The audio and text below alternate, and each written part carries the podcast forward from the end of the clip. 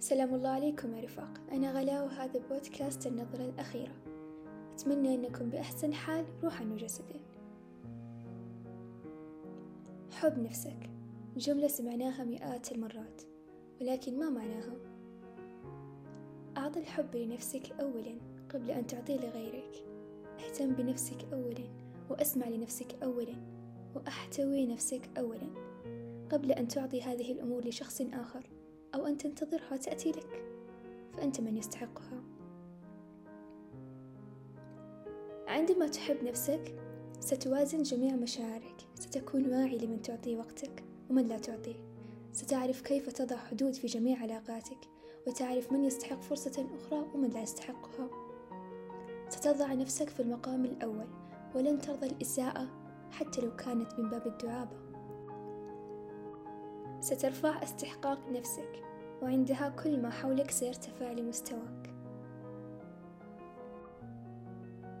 حب الذات يكمن في تقبلك لعيوبك ومحاولاتك للتحسين منها فجميعنا لدينا صفات سيئة ومساوئ ومحاسن وجانب مظلم.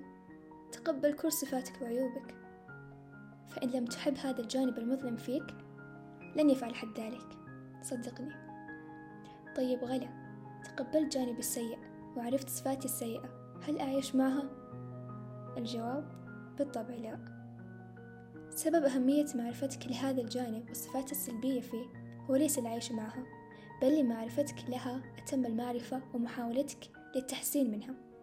فأقلب صفاتك السيئة لصفات جيدة وطور نفسك للأفضل.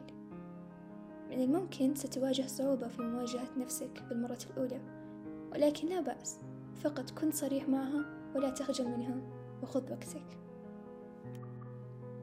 انتبه عزيزي المستمع لحديثك مع نفسك. لا تتساهل في قول أنا غبي أنا فاهي أنا ما أعرف. فعقلك الباطني سيقتنع فيها وسيصبح من الصعب عليك تقبل نفسك لأنك دوما ما تقول أنا فاشل. وعقلك صدقها. انتقي كلماتك مع نفسك قدر المستطاع. وأوعد نفسك بالتواجد معها عاطفيا. كن المحب والداعم لنفسك على الدوام. وتوقف عن محاسبة نفسك على كل فعل عفوي فعلته. هناك خطوات بسيطة سمحت لنفسي أن تعيشها. سأشاركها معكم لأني فعلا لاحظت الفرق. اسمح لنفسك أن تجرب كل جديد وأن تغلط وأن تتعلم. استغل كل فرصة تأتيك. وأصنع لنفسك الفرص عيش كل شعور أيا كان جيد أم سيء.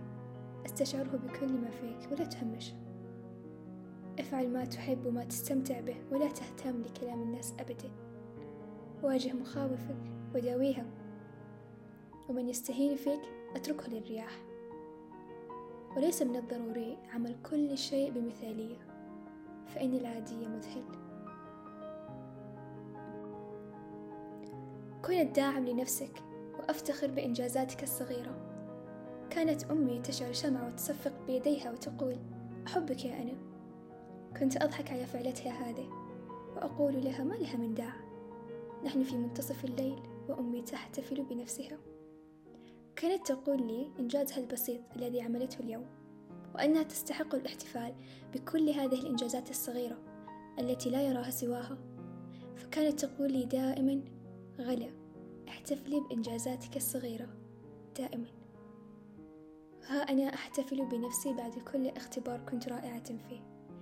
وأحتفل بنفسي عند انتهائي من ترتيب غرفتي. وأحتفل كذلك عند إطعامي لقطط الشارع. وعند خبزي لكعكة ولم أحرقها. أو عند محاربتي ليوم سيء.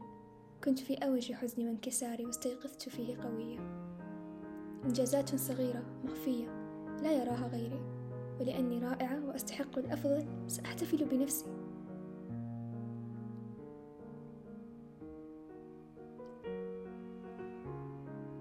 الجهل بالذات من أسوأ أنواع الجهل والبحث عنها عمل من أنبل الأعمال.